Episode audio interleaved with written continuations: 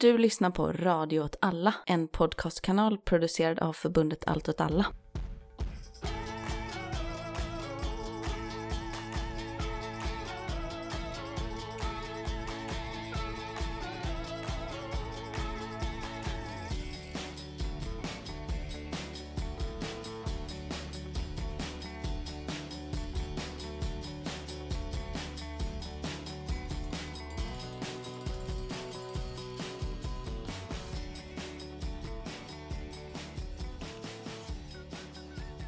Hej och välkommen till Rörelse Udda krig och perspektiv. med mig Martin Hansson. Och med mig Miriam Andersson. Idag är det två dagar sedan julafton.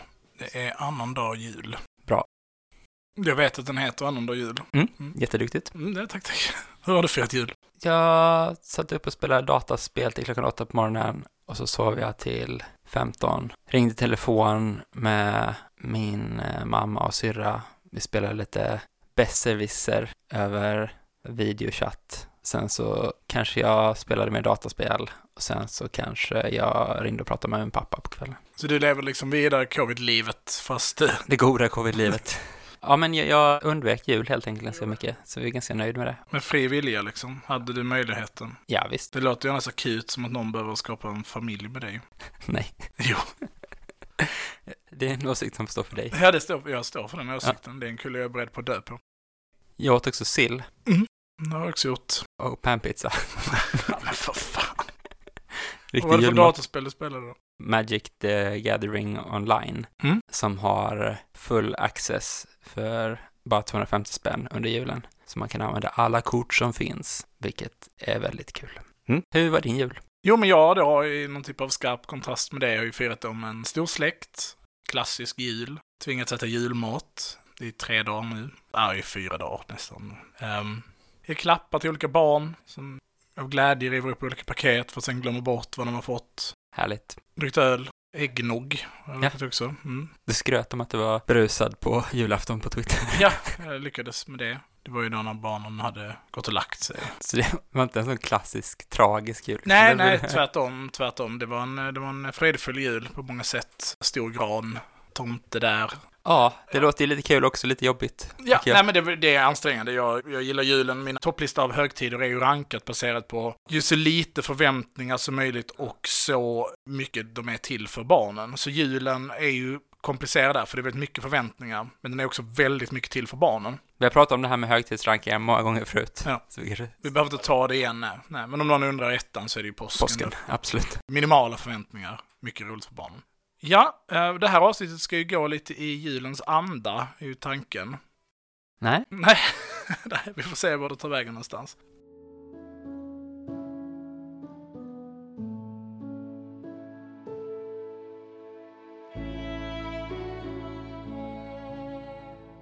Året är 1914, 24 december, någonstans i Belgien.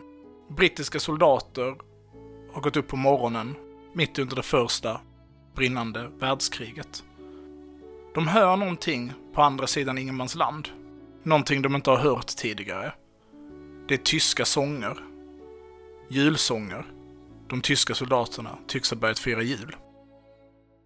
De brittiska soldaterna har svårt att orientera sig, men efter ett tag så börjar även de sjunga. Den andra skyttegravslinjen, tyskarnas skyttegravslinje, uppmärksammar det. Och soldaterna börjar ropa till varandra mellan skyttegravarna. De hör en soldat ropa på engelska med tydlig tysk brytning. Kom över hit, vi firar jul.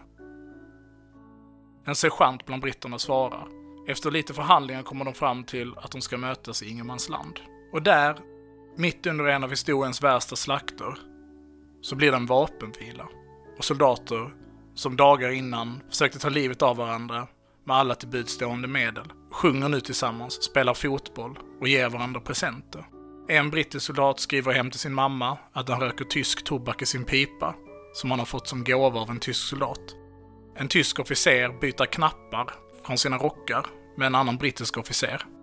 Detta sker på många ställen längs fronten 1914 och befälen, framförallt de högre, ogillar det kraftigt. Stränga order går ut om att det inte får återupprepas följande år. Och så vitt man vet var antalet firanden färre. Men det skedde trots hot om stränga repressalier. De här soldaterna, som spenderat fem månader med att försöka ta livet av varandra, tog första bästa chans att upphöra med det. Och det leder in oss på dagens tema. Människans vilja att döda. Eller människans ovilja till det.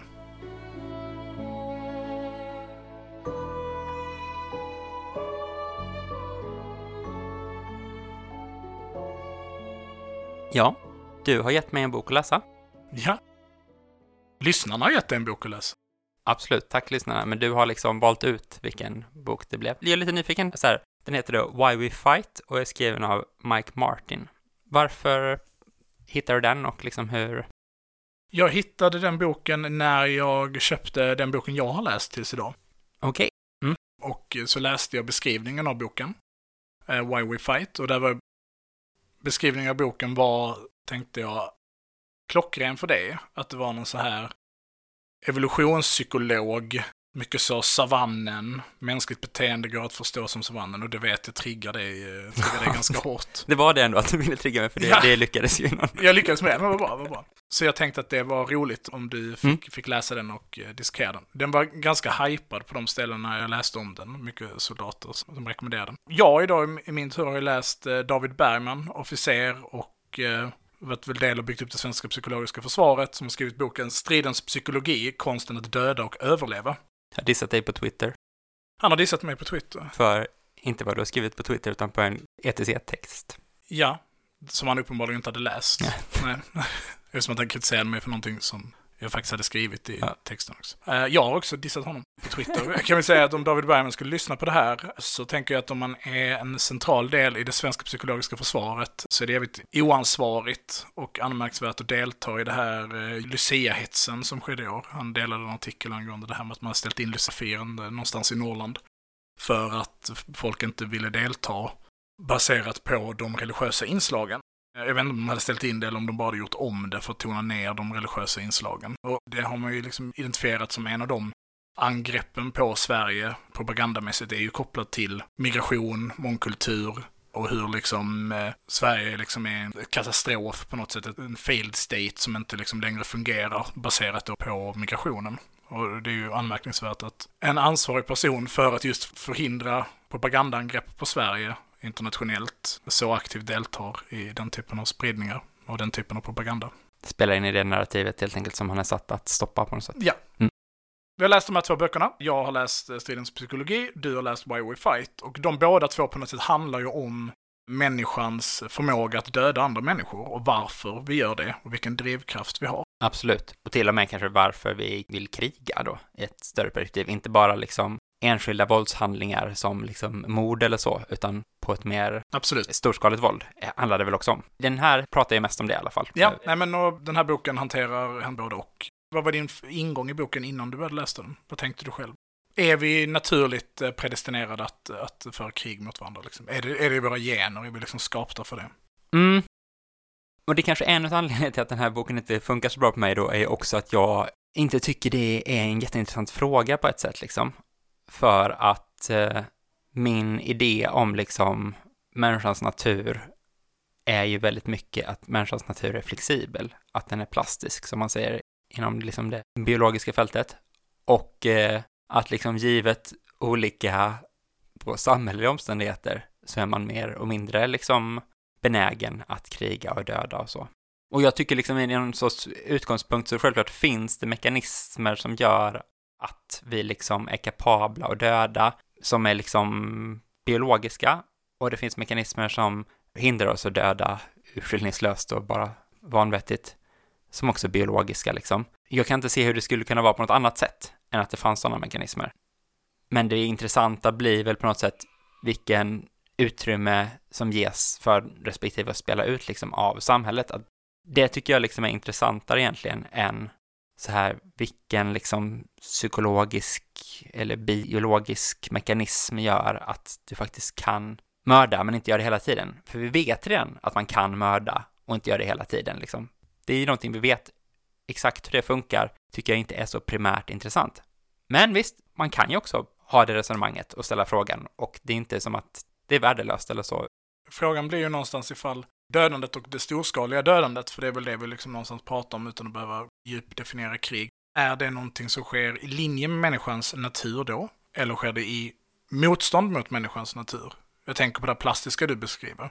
Det, finns ju saker som beteenden vi har som förvisso är sociala och de är skapade liksom av, men de är stärkta och förstärkta av naturliga beteenden som är liksom grundläggande för oss som däggdjur. Jag tänker att om vi jämför med att skaffa barn till exempel, så är det ju en, lite oavsett, eller inte kanske att skaffa barn, försöka skaffa barn, ha sex, lite oavsett om vilka begränsningar du ger till en människa, så kommer sexualitet i de flesta fall få utlopp. Det är en så stark drivkraft i oss att den kan man inte och då menar jag inte att man liksom kommer våldta men inte får ligga liksom, men man kommer onanera till exempel. Om man, alltså så att den drivkraften är jättestark i oss. Absolut. Och du frågar på något sätt ifall samhället liksom främjar dödande eller hindrar det liksom. Jobbar man mot eller med naturen liksom? Ja, precis. Genom att försöka begränsa mängden mord då till exempel, eller storskaligt dödande i form av krig. Är det i linje med vad vi hade gjort ifall vi inte var organiserade i, i liksom den typen av storskaliga samhälle som vi är? Jag tror inte det finns ett enkelt svar på den frågan, utan det är både och liksom. I vissa aspekter så jobbar man mot, i andra med och liksom att det finns en variation där. Eller så. Vad säger boken? Jag har faktiskt plitat ner vad boken säger ganska punktformigt här. Man kan också säga så här, okej, okay, någonting som är positivt med den här boken är, den är skriven på engelska, men jag tyckte den var oerhört lättläst ändå liksom. Gick snabbt att ta sig igenom. Sen så har jag inte läst den från perm till perm, utan jag läste de inledande kapitlerna, eller liksom introduktionerna och de första kapitlerna, ord för ord liksom. Och där gör han sitt case om och om igen och säger så här, i boken kommer jag visa de här sakerna. Och så berättar han, så man får liksom sammanfattningen av boken i de första bitarna. Och det är väl ett klassiskt sätt att skriva sådana här argumenterande böcker, liksom jag kommer lägga ut mitt case, det kommer vara så här, i det här kapitlet kommer jag göra det här argumentet. Och sen så kan man bara, och det gör ju också att det är lättare att skippa och, och skumma resten av kapitlen, för man vet vad poängerna kommer vara liksom. Så, men också något litet förbehåll om att jag kan ju ha missat någon poäng där då, för att jag inte läst jättenoggrant hela vägen. Men man kan börja med att säga vem han är. Han är då en britt, han är Afghanistan-veteran och han har sedan studerat konfliktvetenskap och biologi. Så han är liksom som en framgångsrik version av dig på något sätt. mm.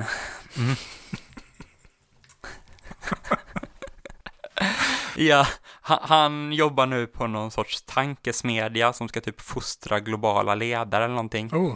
Man märker att hans politiska linje i liksom boken är att han är någon sån libcentrist typ. Mm, mm. Han... Island-kille liksom. Ja, absolut.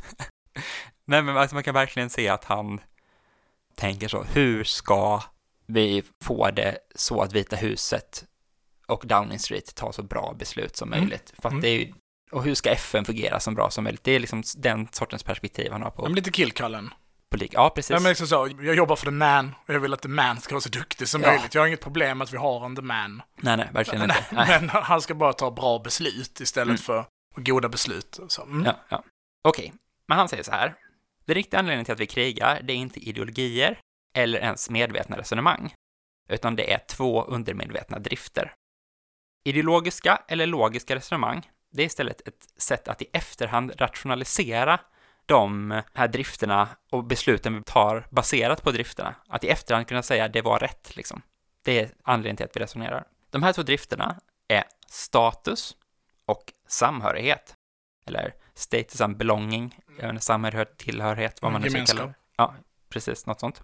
Och han delar också upp människor i ledare och i följare. Oh, mm, mm, mm, ja, det här är trevligt. Ledarna då får då status av följarna och följarna får också samhörighet av att ha en ledare liksom, som definierar det åt dem. Strävan efter status och samhörighet det har utvecklats evolutionärt eftersom det har varit fördelaktigt och det har gett oss bättre fitness.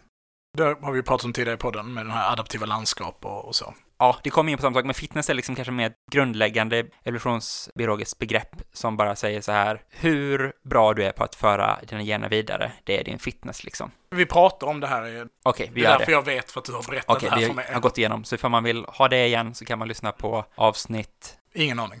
Det är ändå ingen som lyssnar tillbaka på avsnitt när vi hänvisar till dem. Det vet vi av statistiken. Ja, ja, ja, visst, okej. Okay. Ett gammalt avsnitt.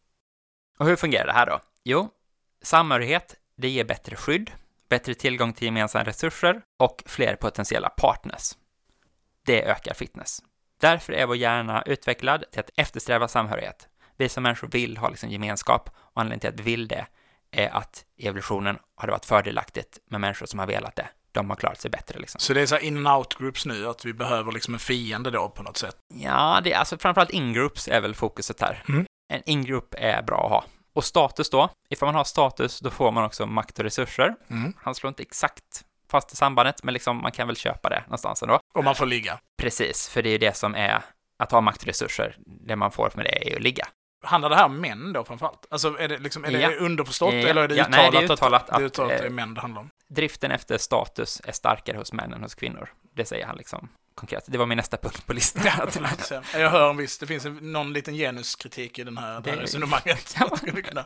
Det det blir bättre. Jaha, så på grund av de här fitnessfördelarna av att vilja de här sakerna så är våra hjärnor genetiskt programmerade att söka status och att söka samhörighet. Programmeringen, den verkar genom två hormoner. Oj, Kan ni gissa vilka? testosteron Ja. och dopamin. Nej, oxytocin. Och, också Men det är väl typ Mm. i samma, liksom ett testo, Mm. power-hormon och ett eh, kärlek och ha gosigt och må bra-hormon. Ja. Men ja, tjejer gillar väl mer det andra. Han får anta att det är det. Det- Så det Det står lite om att oxytocin Mm. frisätts när mödrar och barn... Nej, förlåt. nej, Han menar- nej, menar- nej, när mödrar och barn gullar med varandra. Ja, förlåt, ja. Mm. Jaha, det här, liksom grundkrafterna, det kan inte bara förklara krig, utan det förklarar hur hela det mänskliga samhället Ah. är uppbyggt. Ett nätt litet anspråk kan göra så. Jag, jag kan förklara hela mänskligheten. Okej. Och Om vi pausar där. jag vet en sista Ja, men, liksom okej. bara så. Det är liksom bättre med större grupper också. Men ju större grupper man har så får man också problem och framförallt får man fem sorters problem. Och de här problemen, de är kopplade till typ fem känslor och de kan lösas med ideologiska system, alltså ideologi, politisk ideologi, religion eller moraliska koder. Det här är liksom hans... eh, Som då också är tre helt separerade fenomen. Nej, nej, men alltså, Ah, det, nej, nej, nej, nej. han, nej, nej, han menar väl faktiskt att, att det är tre stycken underkategorier till ideologi då liksom. Så Mm, han, Okej, Det är väl fair att han klumpar ihop det på något sätt liksom. Du ville komma in här på något sätt. men vad tycker du? Nu du... går vi, vi kan strax gå till varför det här förklarar krig, det gör det ju inte så här Nej, nej, långt. men vi börjar Ja. grundförutsättningen. Det finns Ja. eh, oxytocin och, och testosteron och sen så är det det som driver oss framåt. Status för fitness för en att få ligga och det är därför eftersträvar vi det, gemenskap. Så det, vad, tror du om det här? Du är ju trots allt biolog. Till och med evolutionsbiolog. Mm, det kan man väl kalla sig när man har läst massa evolutionsbiologi. Så här, han säger ju själv att han drar väldigt mycket på fältet som heter eh, evolutionspsykologi då. Det är ju ett fält jag har fraktat. Det är samma, bara så att lyssna, det är samma fält som är så här man kan dela upp människor i olika färger. Ja, det är väl kanske sin värsta uttryck. jo, men samma fält. Ja, det är knappt, jag tror knappt det är det ens liksom. Men det är kanske en av Men är det inte så? På savannen var vi så här Det är och det jättemycket det. förklarar det. Ja, liksom. det är jättemycket det. Och problemet med hela den fältet, och man får ju såklart säga, det har liksom blivit ett stort fält nu för tiden. Det finns saker som är bättre och sämre inom det. Vissa undersökningar har, är säkert klockrena, vissa har stora poänger, ganska många är dumma. Ganska många brukar ju vara så här att man tar ett modernt fenomen liksom, och så gör man en undersökning på det. Och så har jag läst en riktigt dum artikel som var till exempel typ, ifall män och kvinnor går i klackskor och så får man inte se ifall det är en man eller kvinna, kan man ändå känna igen ifall det är män eller kvinnor som går i klackskor, ifall man liksom har då folk som kollar bara på benen typ genom bakom någon skärm eller någonting. Och, eh, och det ska liksom på något sätt förklaras då med att män och kvinnor är genetiskt predestinerade att gå på olika sätt till klackskor. Och sen så finns det någon koppling till så här, hur man levde på savannen. Och det är bara så här, det fanns inga klackskor på savannen. Vi kan inte ha haft en evolutionär anpassning till klackskor som har liksom utvecklats under miljoner år eller hundratusentals år eller vad det är, som får genomslag idag. Och det fattar ju de såklart också någonstans, men då gör de en liksom koppling och säger så här, den här egenskapen som vi hade på savannen, det är samma egenskap som idag gör att vi genetiskt anpassade, predestinerade beroende på kön eller beroende på vad det nu är. Det, här gäller inte bara könsuppdelning utan massa olika saker, vilka gener man har. Att vi är också bra på de här grejerna. Så därför har savannen skapat den här skillnaden som finns idag. Mm. Och liksom, savannen har man väl någon sorts koll på som kan väl vara ganska fair, men det är ju också spekulativt för att som den här SD-kvinnan sa, jag var inte där. Nej, nej. Nej, men ingen var där och vet exakt vad som utspelar sig, men man kan ju ändå göra reasonable claims där liksom. Typ att de kanske hade klackskor. Nej, men att man var tvungen att undvika rovdjur på vissa sätt och sådana Mm. saker. Och sen så har man den här undersökningen som jag gör idag. Och den visar ju vad den visar liksom. Okej, vi kunde särskilja ifall det var män eller kvinnor som gick i de här skorna. Just det. Men det som händer däremellan liksom, det är ju bara att man gör ett resonemang så liksom, att man kopplar ihop de här sakerna. Och det kan ju verkligen vara mer eller mindre starkt. Mm. Men liksom man brukar ofta komma till en slutsats där man hävdar saker som man inte har backning på, för det bevisas bara av det här mellanresonemanget, liksom, där man kopplar ihop de här sakerna. Och det blir ju liksom inte biologi för mig, utan det blir liksom någon spekulativ hokus pokus, höll jag på att säga. Eh, Kanske unfair mot psykologerna att säga att det är psykologi då istället. Och hokus pokus, men liksom, det är bara någon dålig mishmash liksom. Så därför är jag instinktivt negativ till de här resonemangen, måste jag ju liksom erkänna i grunden. Och jag är också negativ till hur han liksom beskriver evolutionen och evolutionära processer och eh, hur liksom genetik funkar och sådana saker. Jag ska kanske inte djupdyka i det. Nej, det känns som ett avsnitt för sig då. Eller bara när du pratar med dig själv. Ensam. Jag pratade faktiskt med en, vad kan säga, en vän till podden Mm. som forskar på liksom utvecklingsgenetik och sådana saker liksom. Och bara, vad tycker de här styckena? Och han var så, ja, det här ser väldigt shady ut. Och det är liksom till exempel att han beskriver evolutionen som att så här, sättet vi evolverar på, det är att det sker mutationer och de förändrar lite, lite grann hur vi fungerar. Och ifall en gen gör att vi fungerar lite bättre, då blir den selekterad för och då sprids den. Och ifall den gör att vi fungerar lite sämre, då blir den selekterad mot och då försvinner den ut. Och genom de här små, små förändringarna över tid så bara förändras arten liksom. Det är ju liksom inte per se fel. De processerna finns, men ifall man tror att det är hela evolutionen, då har man liksom missat saker från liksom före modern synthesis som är liksom, liksom början på 1900-talet där man kom fram till att evolutionen funkade som liksom. Man har helt missat rekommendation till exempel att eh, vid eh, meiosen, vid, vid eh, skapandet av könsceller, så byter liksom gensjok plats mellan kromosomer och det gör att en avkomma kan få egenskaper som ingen av föräldrarna hade, Ja, för att man har blandat ihop sig. Typ, det liksom finns inte ens med i hans resonemang om hur evolutionen funkar. Och de sakerna han beskriver ska hända, verkar ju också ofta hända på ganska kort tid, att han pratar om liksom, det absolut dummaste är när han pratar om typ politisk ideologi, att det är genetiskt styrt på något sätt. Och han beskriver det som, och då är det bara så här exemplet USA, vilka identifierar sig som libs eller conservatives liksom. Och då säger han typ, det finns, vi har gjort opinionsundersökningar där visar att vissa är konservativa, vissa är liberaler, men hur kan det komma sig att det finns två olika genotyper i samma population? Och menar då att att vara konservativ eller liberal är liksom en genotyp. En av dem borde ju vara bäst, en borde ha blivit selekterad för, så att alla borde vara samma liksom. Inom gruppen liberaler eller konservativa? Eller jag... Nej, inom gruppen människor i USA liksom, Mm. eller så här, människor överhuvudtaget eller så. Hur kan det finnas två olika politiska uppfattningar liksom, när en borde vara bäst liksom? Evolutionärt bäst. riktigt? Och, okej, och, och det är liksom, nu fördummar jag lite det han säger. Men jobbigt för honom att förstå att det inte heller finns två. Nej, Utan att det finns miljoner. Nej, för det han säger då är att man har ju visat att liksom, det finns en ärftlig komponent i politisk övertygelse eller politisk ja, Värdegrund. alignment. Liksom. eh, Ja, precis. Och, och, och då att det finns en komponent betyder ju att man kan liksom visa att en sorts gener är vanligare hos liberaler än konservativa i USA till exempel då. Och det betyder inte att har man den här genen så måste man bli det ena eller det andra liksom. Utan har man den här genen så är det större risk eller sannolikhet att man blir den, det ena en, den ena gruppen liksom Mm, så. mm. Men grejen är för att, för att ha den här frågeställningen som han har, så typ, hur kan de här båda finnas samtidigt? För en borde ju ha blivit, den bästa borde ju blivit naturligt urval liksom genom tid. Enda sättet man kan tänka det på ett rimligt sätt är ju ifall man tänker dels att det är då liksom 100% genetiskt styrt, Mm. vilket han precis i stycket före själv förklarat att det inte är liksom. Och för det andra, att det liksom, när han kallar det en genotyp så får man intrycket i alla fall att han menar att det är en gen som ger respektive liksom predisposition. Och det är det absolut inte den forskning som finns på hur liksom sannolikheten att, bli, att ha en viss politisk uppfattning är ärftlig, den visar konsekvent att det är jättemånga olika gener som tillsammans ger en sannolikhet. De generna är ju liksom inte för att bli liberal eller konservativ, utan de är ju för andra egenskaper och det kanske är så här typ boldness som är ett trait som man brukar prata om i liksom evolutionsbiologi. Hur, ska man säga, nyfiken eller hur liksom risktagande man är då liksom. Det kan man ändå kanske hitta gener som är tydligt influerade. Och sen så i sekundärt då så skapar det liksom någon sorts psykologisk karaktär och den är mer liksom inclined att bli konservativ eller liberal liksom. Och det är liksom resonemanget jag köper absolut det, att det finns liksom gener som påverkar sannolikheten att ha olika politiska uppfattningar.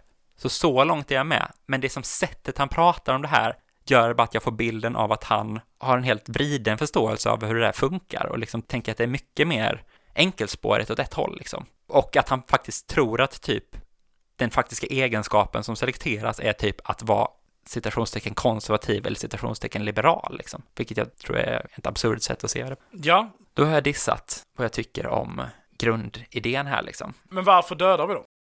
Precis, vad är kopplingen till krig med de här upplägget han har gjort?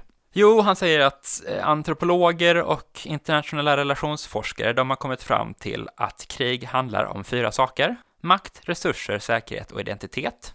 Och han menar att de två första här, eh, makt och resurser, det är egentligen status. Och säkerhet och identitet, det är, Det är gemenskap. Det är gemenskap. Så det som liksom redan annan forskning har visat, det är bara för enkla här ner till de här två egenskaperna. Så krig är alltså ett fenomen som skapas för att våra hjärnor eftersträvar de här sakerna, status och gemenskap, för att det ger oss bättre fitness. Ett sätt att uppnå det då är att gå i krig liksom. Det är hans case. Det finns dock ett problem som han inser själv, och det är ju att i krig så dör man.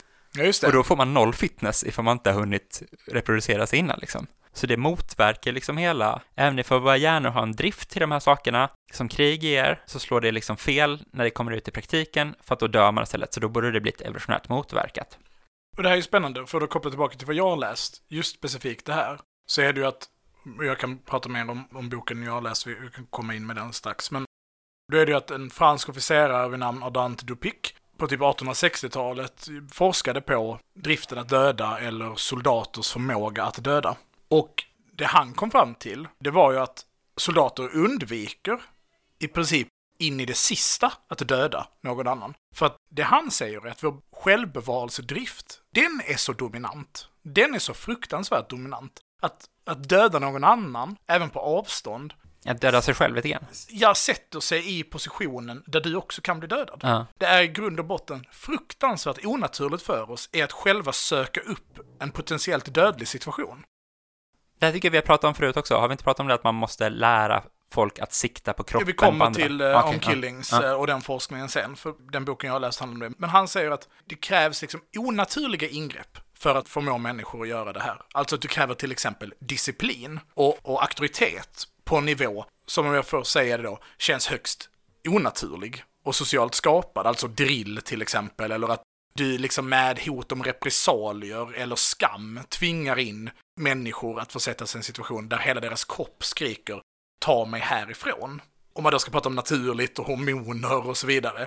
Att för att det din kropp säger till dig i de här situationerna, 95% eller 99% av mänskligheten säger till de här situationerna är var inte här, du kan dö. Och dör man, då försvinner ens fitness i allra högsta grad. Ja. Absolut. Och han fortsätter sen då säga att liksom, hur löser han det här problemet då? Mm. Jo, det är att dels så finns det liksom olika incitament för ledarna och följarna. För ledarna är det inte så farligt med krig och sannolikheten att de får ut eh, status av kriget, Det är värt det liksom, rent. och det är mycket högre också liksom. Så att det. det, det är värt det för dem. Och för följarna så är det istället så att, precis som du säger, disciplin liksom, ifall man inte deltar i krig, då kan man riskera att bli dödad. Utav liksom, man blir utkastad ur stammen eller man blir faktiskt bara avrättad i ett senare skede, liksom när man ordervägrar eller så. Och då är ju fitnessen noll på det. Så då är det bättre att ta liksom alternativet som är att gå i krig och ha liksom en chans att överleva och kanske få ut bättre status efter det efteråt. Belägger han det här med stenålderssamhällen eller med eh, arkeologi eller? Nej, jag tycker att det, generellt är det inte så mycket belägg, utan det är, och det är liksom anekdotiska källhänvisningar snarare än någon sorts välgrundad kvantitativ argumentation. För det finns ju flera paralleller man kan dra till stenålderssamhällen till exempel, eller samhällen som har levt i snarlika konstruktioner, sociala konstruktioner, alltså samhällskonstruktioner som stenålder och hur krig oftast ter sig på ett väldigt annorlunda sätt där. Mer i närmare statusbiten, alltså att det är Mm. fullständigt ritualiserat till exempel, eller minimerar mängden dödsfall. Och man fokuserar liksom på en duell till exempel, vilket är väldigt främmande från vår typ av krig. Ja, han menar ändå att dödligheten i krig sjunker konstant.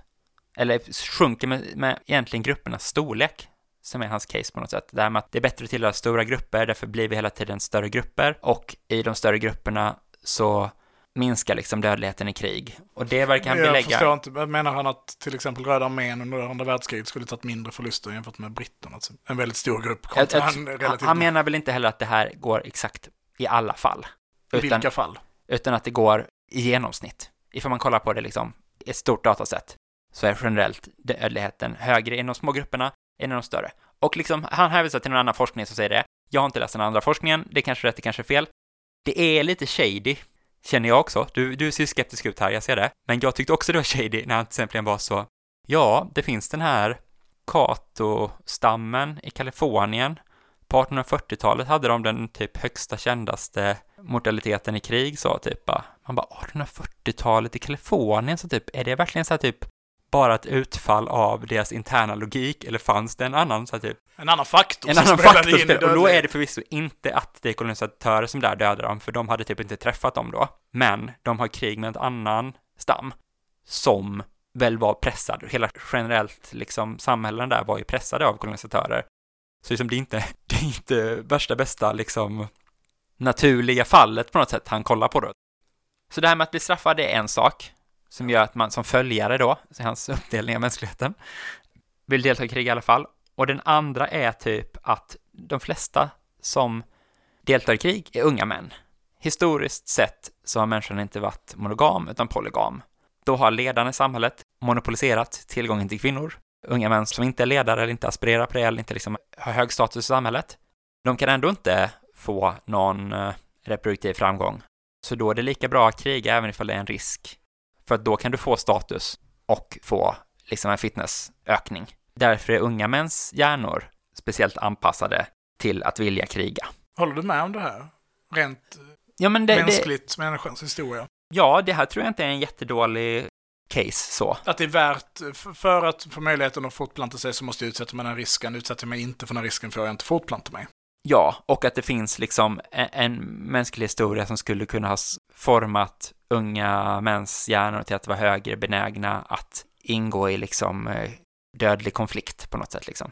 Jag håller med om det så tillvida i alla fall att jag tycker att resonemanget behöver inte vara fel liksom. Det finns ingen uppenbart logisk brist i det här. Men det är också så, de här sakerna får man ju liksom bevisa. Man kan inte bara säga på grund av eh, det här så blir det det här, för någon annan kan ge ett motexempel och hitta på liksom andra vägar saker skulle kunna fungera på. Och den liksom faktunderlaget tycker jag inte finns i boken. Så, samtidigt har jag inte läst alla källorna han, eller ingen av källorna han hänvisar till liksom. Men som han gör framställningen så tycker inte jag han bevisar att det här är sant. Och det gäller ju liksom för det mesta han säger här. Ja, är de två undermedvetna strävandena just status och samhörighet? Det visar han liksom inte, utan han bara säger ju det. Det är hans case så. Mm. Man kan föra ett sånt resonemang, absolut. Det är spekulativt och så. För mig kommer det här också ner till vad är liksom, igen, vad är poängen då med det här? Och jag tycker också han missar då världens viktigaste sak, nämligen historiematerialismen.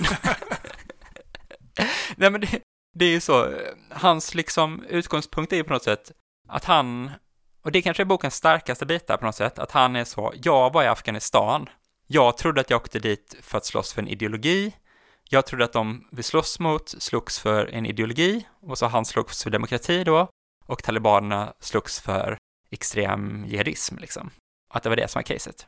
Men när han var i Afghanistan så upptäckte han ett typ, när någon har dödat ens kompis, då skiter man i ideologi, det handlade bara om hämnd. Och när han pratar med liksom folk och märker systemet, hej, vi som vi har snackat om i Afghanistan-avsnittet och sånt, oj, den afghanska regimen som är demokratisk, den är typ mer korrupt än talibanerna. Oj, de som är talibaner och slåss mot andra, de verkar inte motiverade av Islam. Nej, av tolkningar av Koranen, utan de har ju en fejd med den här byn Mm. som går åtta generationer tillbaka. Det är den här klanstrukturen som finns i Afghanistan och de liksom fejder som finns i den, som är stärkta av det här pågående inbördeskriget sedan 78 och Sovjet liksom. Det är det som är den faktiska motivationen. Och det här tycker jag också, han liknar lite det du har pratat om nyss med liksom att människor sår det som motiverar Mm. dem till att göra uppror då, eller med strida, men, men det är lite på samma sätt, det är recitament, det är liksom hämnd som är viktigare än ideologi liksom. Så det, där får man ge honom att han har plockat upp den ganska basala insikten någonstans, men i alla fall liksom. Men ser inte skogen för alla träden. Nej, för det han gör sen är så typ, okej, okay, ifall det inte är ideologi, vad kan det vara då?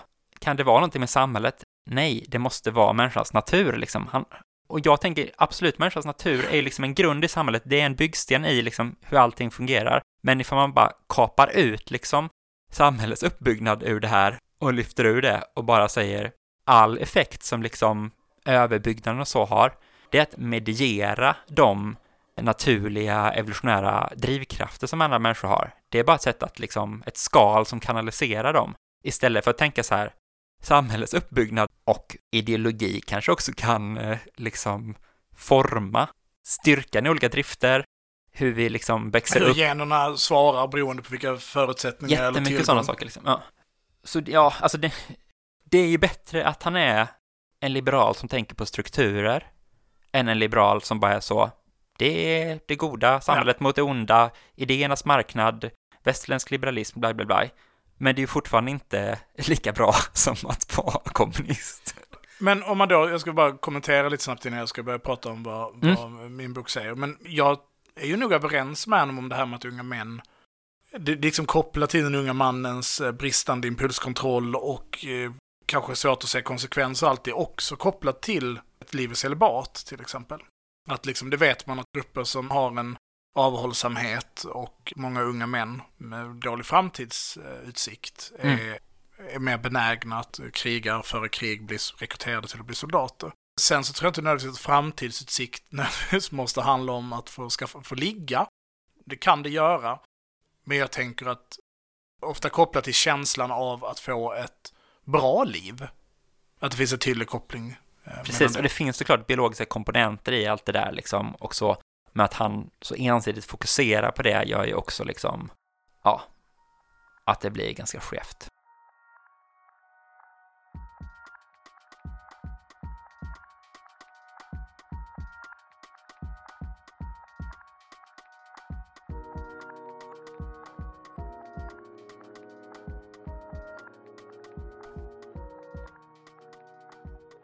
Jag har ju då läst eh, David Bergmans bok Stridens psykologi, konsten att döda och överleva. Det är ju väldigt mycket en studielitteratur. En typ av studielitteratur. Ja. Som handlar om, eller som är riktad gentemot officerare, eller liksom folk i den militära rekryteringen, Pliktverket, men också till viss del ambulans och sjuksköterskor och polis och så. Och den handlar om hur man eh, försätter sig i farliga situationer, kan man säga. Men också att utöva våld mot andra människor och hur det rent psykologiskt fungerar och hur man kan tänka och inte. Men ganska stor del av boken handlar liksom om hur fungerar ett rimligt värnpliktssystem till för att eh, ta ut soldater och att sen utbilda dem. Och jag vill liksom inte kritisera boken på det sättet. Den, han gör ett bra case för varför man måste separera, vad han säger, sållning och utbildning. Det kan inte ske ja. parallellt. Man kan inte både säga ni får vara med du sparkas ut nu för du gjorde inte tillräckligt bra på det här provet och samtidigt förvänta sig att de ska lära sig någonting. Att det finns ett motsatsförhållande i det. Ja. Han pratade mycket om stridspilotsutbildningar tidigare där det var att man liksom förväntade sig att kanske varje månad så skulle en pilot åka ut. På Top Gun? Ja, men precis. Och att det skapade en jättedestruktiv och tvärtom fick man situationer där piloter blev sämre och sämre för att folk fokuserade i större utsträckning på att få hålla sig kvar i utbildningen än att lära sig det man blev utbildad till. Ja. Det är också att skapa en situation där man inte får visa sina tillkortakommanden eller fråga om saker när man är svagare på. Och att om man i tidigt utbildning har ett moment som någon är särskilt dålig på men kanske jättebra på alla andra moment så åker den ut i början. Ja. ja alltså det är dumt liksom. Mm. Och kritisera liksom Navy Seals och de som har den typen av utbildning kvar ofta då. Med någon sån hell week när man ska pressa ut folk och man eftersträvar att pressa ut så många och när man lättade på de kraven så blev det också en kultur av att då var de liksom sämre för de hade gått på PK, Navy Seals-utbildningen. Men det kanske i själva verket är så att de kullarna efteråt var bättre. Okej, okay, men har man inte de grejerna för att de är gemenskapsskapande? Är inte det brukar det klassiska caset vara så? Jo, det kan det ju vara ifall det upphör och sen är du inne på utbildningen. Mm. Men om du fortfarande ska driva ut till folk ifrån den så skapar du ju nästan en konkurrenssituation mellan grupper. Ja. Men vi ska inte prata så mycket om det. De bitarna av boken så uppskattar jag dem. Och sen så kommer jag väl med att jag har då förberett en, en prata då i julens anda som handlar om att vi människor inte alls är skapta för att döda varandra. Och inte alls har en drivkraft till att göra det. Och så ska jag då försöka belägga det, till skillnad från eh, Mike Martin. Och då vill jag liksom ta avstamp i den diskussionen, så här, vår potential att döda och hur viktigt dödandet skulle vara för människan. Så kan man ju säga att alla stater, samfund och religiösa inriktningar förbjuder dödandet av andra människor. All överbyggnad vi har skapat håller mord som, om inte den grövsta, så är en av de grövsta handlingarna du kan begå. Det råder det i princip konsensus på, jorden över. Att ta en annan människas liv, det är förbjudet. Sen görs undantag, antingen då i termer av dödsstraff eller i termer av krig. Men att döda någon garanterar en människa liksom en säker plats till Jahannan, Narakak eller helvetet. Det vet vi. Och det här tabubelagda är också kopplat till att en människa som är benägen att ta en annan människas liv tenderar att inte alls få status, utan bli utesluten av samhället. Bli kastlös, fördrivas, ses som oberäknelig. Och då är det ju självklart liksom den typen av mord som man då kan säga är impulsiva eller aggressionshandlingar. Men krig och dödande är ju såklart en del av vår historia. Men att då ha det här påståendet om att det ligger i vår natur, det är ju liksom en filosofisk fråga, som precis som du varit inne på liksom diskussionen om hur är det en del av vår natur eller är det skapat av liksom det samhälle och den värld vi har valt att skapa eller människan har skapat genom historien? Och jag tänker att den är väldigt förknippad med maskulinitet och i förlängningen fascism. Inte minst det resonemanget som Mike Martin driver med liksom vallhundarna och, och fåren mm. och så vidare. Liksom att vissa skyddar, vissa är benägna att göra de här handlingarna. De är också benägna att leda. Och sen så finns det liksom den andra gruppen som är svag eller som inte har den här förmågan. Nej, precis. Men han är ju inte fascist, tror jag verkligen inte Nej. också. Men man kan verkligen se hur hans resonemang lätt plockas upp ja, utav liksom någon sorts incel fascistmiljö liksom här. För även om krig liksom inte är ovanligt i vår historia, människans historia, så är det ju också undantaget i vår mm. historia. Det är inte så att, att krig är läge normal och sen är okrig det konstiga, Nej. utan fred är det normala. Det normala är att vi inte dödar varandra på löpande band. Och sett till världens befolkning så är det färre människor som befinner sig i krig än människor som befinner sig i fred. Ja, ja, oerhört mycket. Ja, så att om det skulle varit en naturlig drift att ta oss dit, men om vi då tar sexualitet till exempel, som är en annan drift, mm. så har de flesta människor i fertil ålder, sett till liksom hela gruppen, skaffat barn eller legat, en gruppen som inte har gjort det. Mm. Om man då ska knyta an till vilka centrala drivkrafter vi har. Och att det är väldigt tydligt om man läser David Bergmans bok och liksom liknande forskning, så är det ju så att ta en annan människas liv samvetslöst, det är ingenting som vi naturligt har, utan det måste tränas fram. Det måste disciplineras och tränas fram. Och hade det varit naturligt, då skulle det varit det omvända som var kravet. Att man var tvungen att träna bort handlingen ja, att ta andra människors liv. Ja. Och det är för att vår hjärna är helt enkelt inte gjord för att hantera vare sig liksom långa processer av strider eller ens den intensiva stressen det innebär att döda någon annan. Man kan ju ta PTSD så, som exempel, att uppleva rädsla för död. Men PTSD drabbar ju också människor som bara utsätter andra människor för död. Huh. Det blir ju drönarpiloternas PTSD väldigt tydlig med. Att de, helt utan risk för sitt eget liv, när de sitter i Nevadaöknen och kör sin drönare, de upplever PTSD. Mm. Eller får PTSD. Så då är det inte liksom självbevarelsedriften som kickar in eller stressen över flight and fight, utan att det sitter liksom så djupt i oss att ta en annan människas liv, det är någonting som är är fel. Man får uttrycka det på det sättet. Det är någonting som man liksom naturligt ska undvika att göra. Och de störningar vi kopplar till att samvetslöst kunna ta någon annans människas liv är ju liksom de största monstren och demonerna vi föreställer oss, alltså antisocial beteendestörning eller psykopati. Men vi vet ju också att den neurologiska stressen det innebär att vara utsatt för strid, och det här är ju daterat, det pratar David Bergman också, daterat liksom tillbaka till antiken. Men när man till exempel sa funktionell neurologisk symptomstörning, alltså att människor i strid kan tappa syn, ja. sensoriska organ kan stängas av och så, för att vi klarar liksom inte av att befinna oss i den typen av intensiv stresspåverkan. Och den här typen av känslokallhet, alltså som psykopati eller antisocial beteendestörning eller fri, det är ju någonting som kanske kan romantiseras på håll eller specifika individer kan attraheras av. Men det naturliga är ju att en människa som uppvisar den typen av beteenden är en utstött. Och ingenting som liksom den majoritetsgruppen uppskattar, utan att om man uppvisar liksom, ja men jag kan bara döda en människa, det, rör inte mig. Så tangerar man att vara, ja, ja. inte vara ledare. Nej. Utan utstött såklart. Ja, det är inte som att man hade valt en president så att, nej jag bara sköt en kille så. Eller mycket status jag har ja. Eller jag tog någon i en duell. Utan då är det ju de här ritualiserade formerna där vi som samhälle har sagt att nu är det acceptabelt att döda någon, alltså krig. Jag pratade lite om Adant Dupik tidigare och hans liksom, bild av att eh, självbevarelsedriften är det som förhindrar soldater från att försätta sig i strid.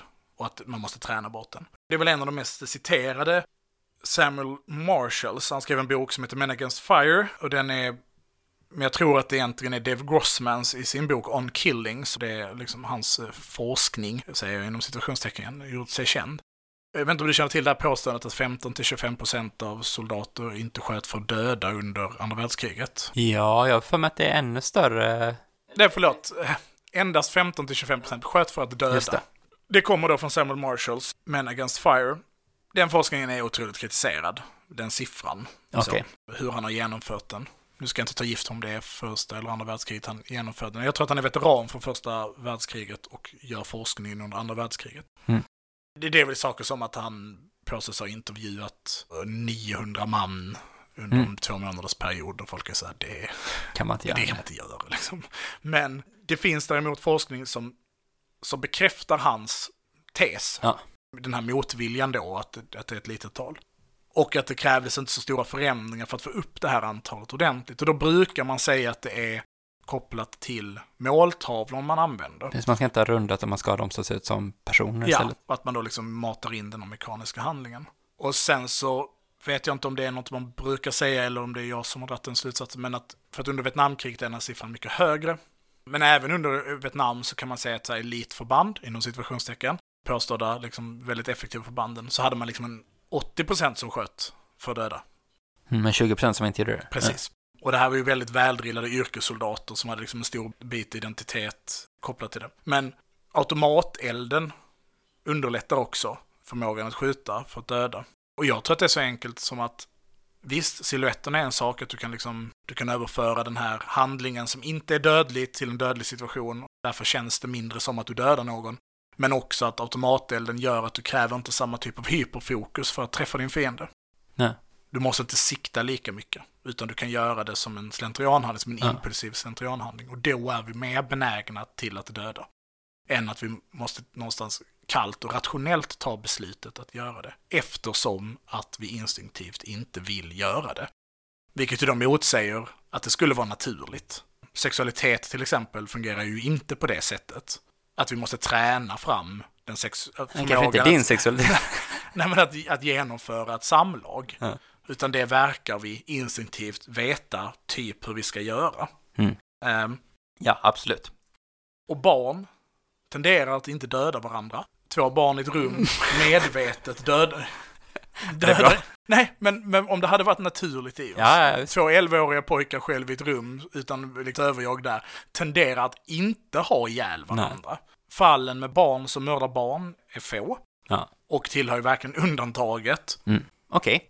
Nu gör du caset här för varför man inte vill döda någon annan. Dels den här eh, Mike Martin, som jag ändå tyckte var starkare partierna då, det var ju hans egna beskrivningar av den här Afghanistan-grejen. Då beskriver han det ändå som att typ så här, det finns en falsk bild av att soldater egentligen helst inte skulle vilja vara i strid.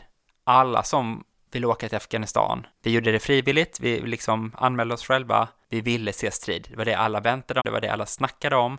Man var liksom inte, man hade inte bevisat sig förrän man hade haft kontakt, hade varit i en eldstrid liksom. Det motsäger lite det du säger. Nej. Men, ja precis. Okej, Men jag tänker att det är en skillnad då alltså. Att man vill ha varit med i gruppen och visa att man är modig. För det är det som då ger status, ifall vi nu ska köpa den här modellen liksom. Men bara för caset och det liksom. kan man väl känna att det stämmer.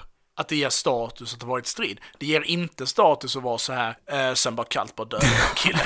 I striden, jag bara brydde mig inte när jag sköt ihjäl de här. Nej, det bara kände ingenting. Och ja, den andra grejen då är liksom, då som sagt hämnden då. Mm. Att när du väl har fått någon eh, kamrat dödad Mm. eller blivit sårad eller någonting, då vill du aktivt döda Ja. din motståndare. Och det är ju ett undantag. Det är ju en stark känsla. Baserat. Och, och det, det tycker jag inte alls konstigt. Och det är en annan grej då, för att om man tittar på vad Mike Martin har genomgått och vad David Bergman föreslår Mm. man ska göra för att utbilda människor till att bli effektiva soldater. Och det här gör David Bergman ingen, det här hymlar inte han med och jag tror att han har fullständigt rätt. Och när jag läste det här och sen tror jag att han själv kommer in på det sen, men så är det en sak som slår mig. Jag har under lång tid haft ett ganska stort intresse för sektor.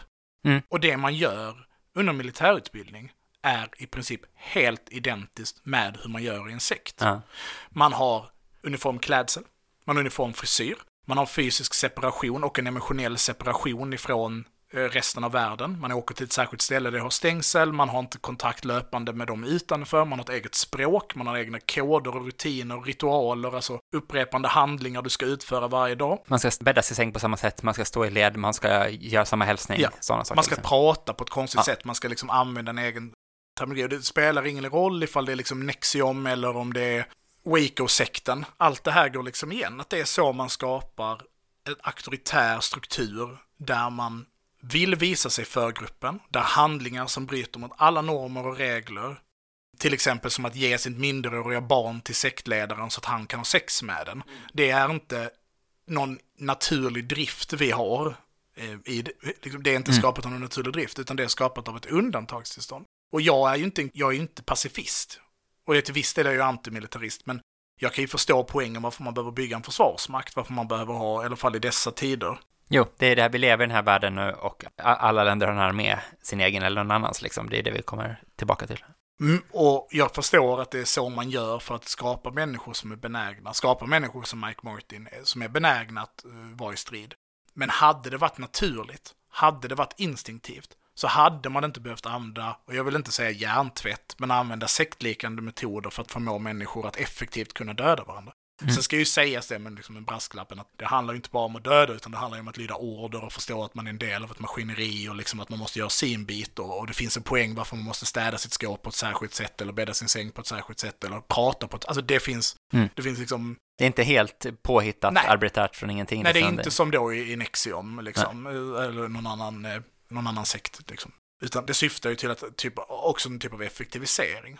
Men att behöva använda den typen av metoder för att skapa förutsättningarna för krig, effektivt krig, är ju tecken på att de inte är naturliga. Mm. Det räcker inte bara att ge människor gevär, ammunition, lite granatkastare och så, så gör vad ni vill. Nej. Utan det tenderar till att skapa väldigt eh, dåliga soldater.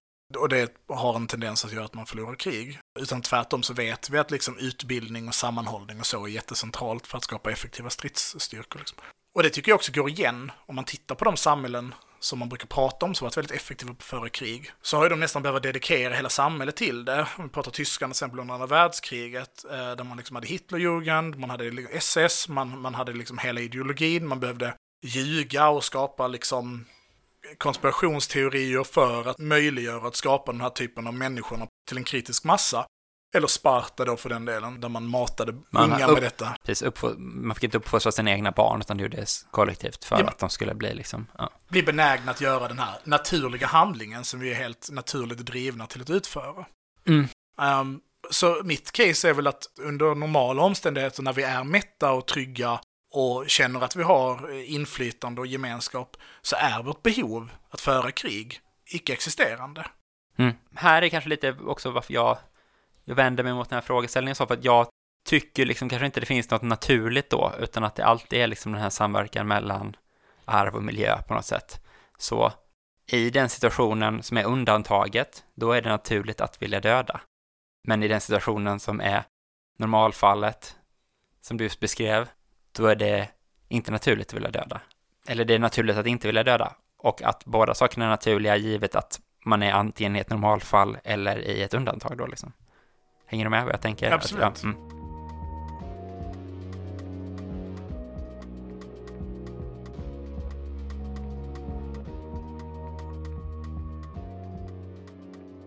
Ja, alltså, Jag ska också bara säga alltså, två grejer.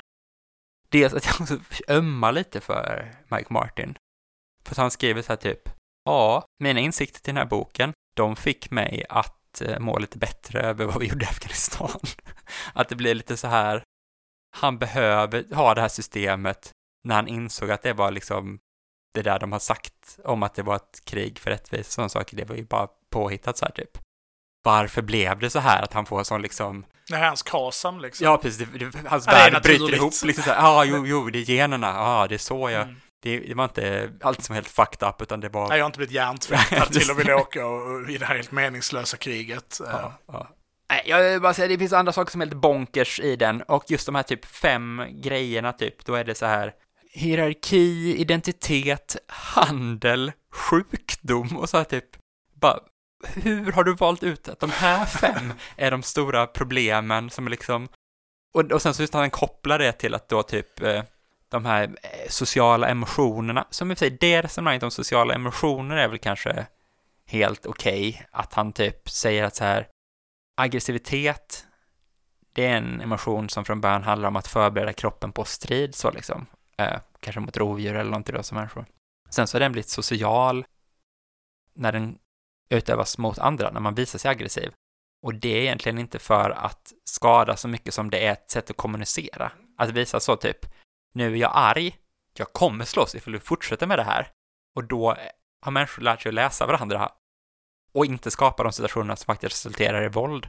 Så att ilska på något sätt är ett sätt att kommunicera för att undvika våld snarare. Ja. det, det var en intressant grej. Men sen då kopplar han till exempel som att då straff är också ytterligare en av de här fem frågorna. Vem får straffa vem? Det är tydligen en av de viktigaste frågorna i samhället. Eller problemen då.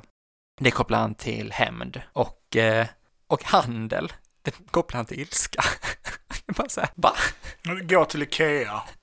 Fruktansvärt jo, stressigt alltså. Det... Men, men det där, här bör det verkligen bli de här liksom fyra färgerna liksom så. Mm. Det ska finnas fem problem och det ska finnas fem grundkänslor och då måste man kunna koppla varje problem till varje grundkänsla, alltså så att det det här är sånt Aristoteles eh, kroppsvätskor-system, liksom att man vill att allting ska liksom geometriskt passa ihop. Det är hokus pokus, säger jag. Det är hokus pokus, ja. Och med de orden så eh, får vi hoppas att eh, vi får mer av julfreder i världen än eh, Mike Martins eh, testosteronstrid. Läs inte den här boken. Läs inte den boken. Um, nej, nu är det snart nytt år. Det är det. När ni lyssnar så är det bara någon dag bort. Nytt år, det kommer vara ett hundrade avsnitt. Nytt år kommer vi över ett hundrade avsnitt. Jävla lång resa. Det är lite mer än hundra timmars... Det är mycket mer än hundra timmar. Mycket mer än hundra timmar. Det är mer än 800 timmars redigering. Ja, det är det ju verkligen. Vi önskar ett eh, gott nytt år. Gott nytt år. Så hörs vi på andra sidan. Tack så mycket för att ni har lyssnat. Man kan eh, följa oss på sociala medier. På Twitter heter jag trojkan1337. Du heter @slukhål. Man kan följa oss på Facebook. Där heter vi Eld och rörelse. Man kan följa oss på Instagram. Där heter vi eld.och.rörelse. Tack till våra jingelmakare. Och eh, ha det fint. Ha det fint. Hej då. Hej då. Hej då.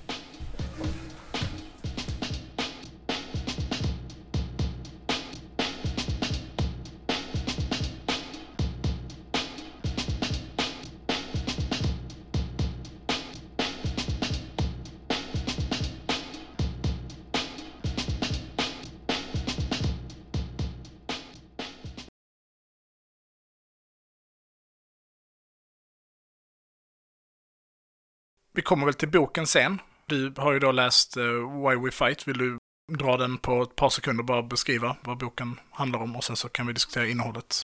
Ett par sekunder, det kommer inte lyckas. Men jag, jag har skrivit en sammanfattning. nu kommer den. Okej, okay, du bara kör din sammanfattning. Jag bara kör min sammanfattning nu. Okej, okay, ska vi verkligen börja så?